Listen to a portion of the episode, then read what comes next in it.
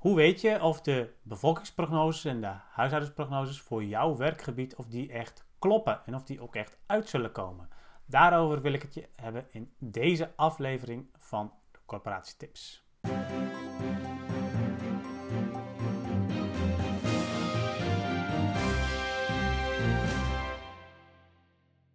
Ja, het probleem wat ik heel vaak hoor, wat uh, te maken heeft met die bevolkingsprognose en die huishoudensprognoses, is dat uh, ja, er heel weinig houvast is over of die prognoses ook daadwerkelijk uh, ja, een beetje een goed beeld geven. Hè. Je weet natuurlijk zeker dat ze nooit op de komma nauwkeurig zullen uitkomen. daarvoor zijn het prognoses, het heeft een glazen bol.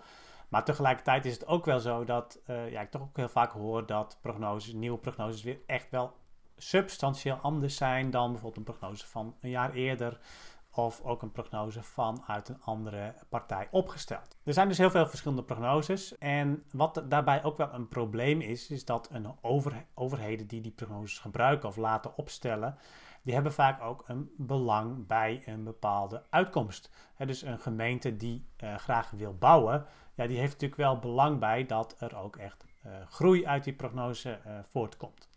Uh, of dat dat, ja, dat dat eigenlijk onderbouwd wordt met die prognose. dus dat zijn wel elementen waardoor prognoses van verschillende partijen er ook anders uitzien. Een ander probleem is dat niet alle prognoses altijd helemaal actueel zijn. Er zijn natuurlijk heel veel ontwikkelingen ook. En met name uh, als het gaat om migratie. En dan, en dan, heb ik het ook over binnenlandse migratie. Dus van de ene naar de andere gemeente of van de ene, andere, uh, naar de, van de ene naar de andere woonkern. Um, en die ontwikkelingen die, uh, ja, die worden ook sterk ook beïnvloed door uh, überhaupt de sociaal-economische situatie die zich natuurlijk ook ontwikkelt. Dus prognoses die niet actueel zijn, die nemen ook niet de laatste ontwikkelingen mee. Um, ja, die kunnen daardoor ook minder goed een, uh, een beeld schetsen voor de toekomst. dus dat zijn een aantal problemen die rondom die prognoses spelen. En um, wat denk ik belangrijk is om daar als uh, corporatie op een goede manier naar te kunnen kijken, is dat je in ieder geval weet van welke prognoses zijn er. Dus wat is het palet aan prognoses? En wat is ook de achterliggende methodiek van die prognoses? dus uh, nou ja, een voorbeeld, de Primos-prognose. Dat is een prognose die ook echt ja, landelijk dekkend is hè, in die zin. Dus die maakt voor elke gemeente, op gemeenteniveau maakt die prognoses. Maar dat is wel de optelsom van alle gemeenten in Nederland. Hè, klopt ook met de totale Nederlandse prognose. Um, en dat is natuurlijk heel anders dan wanneer een, prognose specifiek voor één gemeente of voor één regio wordt gemaakt. dus dat, dat zijn dingen, uh, zorg dat je je daarin verdiept, zorg dat je dat weet en zo, snap ook uh, met welk doel bijvoorbeeld prognoses worden gemaakt. Om nog daar een voorbeeld van te geven, CBS uh, ja, die maakt met name prognoses om de bevolkingsontwikkeling en de huishoudensontwikkeling voor het land als geheel ja, aan te geven. En ja, die, is, die prognose is dus ook minder goed naarmate je afdaalt naar meer detailniveau.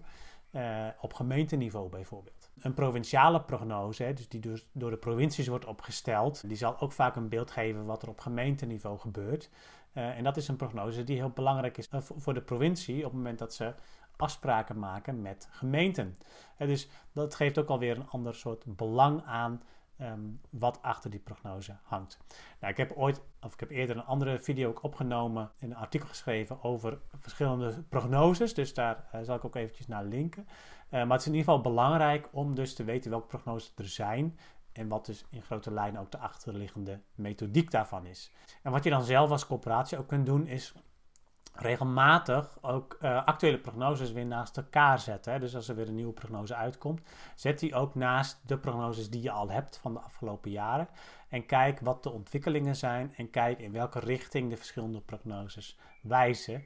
En dan kun je ook op het moment dat er afwijkingen zijn, kun je ook gaan kijken van oké, ehm, kan ik uh, met, met uh, andere eh, partijen die lokaal actief zijn gaan kijken van wat zijn nou de achterliggende gevolgen of achterliggende oorzaken van die, uh, van die afwijking. En ja, moet je daar in je beleid ook vervolgens op reageren. Dus dat zijn denk ik de stappen die je kunt, kunt nemen. Zorg ervoor dat je weet welke prognoses er zijn en wat methodiek is. Nou, eerder die verschillen toegelicht in een video, dus die zal ik hier ook eventjes linken. en zet ook zelf regelmatig die prognoses naast elkaar, zodat je ook snel afwijkingen tussen verschillende prognoses ziet. Uh, en dat je aan de andere kant natuurlijk ook ziet uh, welke prognoses elkaar ook uh, bevestigen in, de, in ieder geval de richting waar het met het aantal huishoudens en het aantal bewoners naartoe gaat. Bedankt voor het luisteren naar deze podcast. Wil je nieuwe afleveringen ontvangen? Abonneer je dan op deze podcast. En kijk ook eens op onze website corporatiestratege.nl voor meer praktische tips en downloads die jouw werk als corporatiestratege makkelijker maken.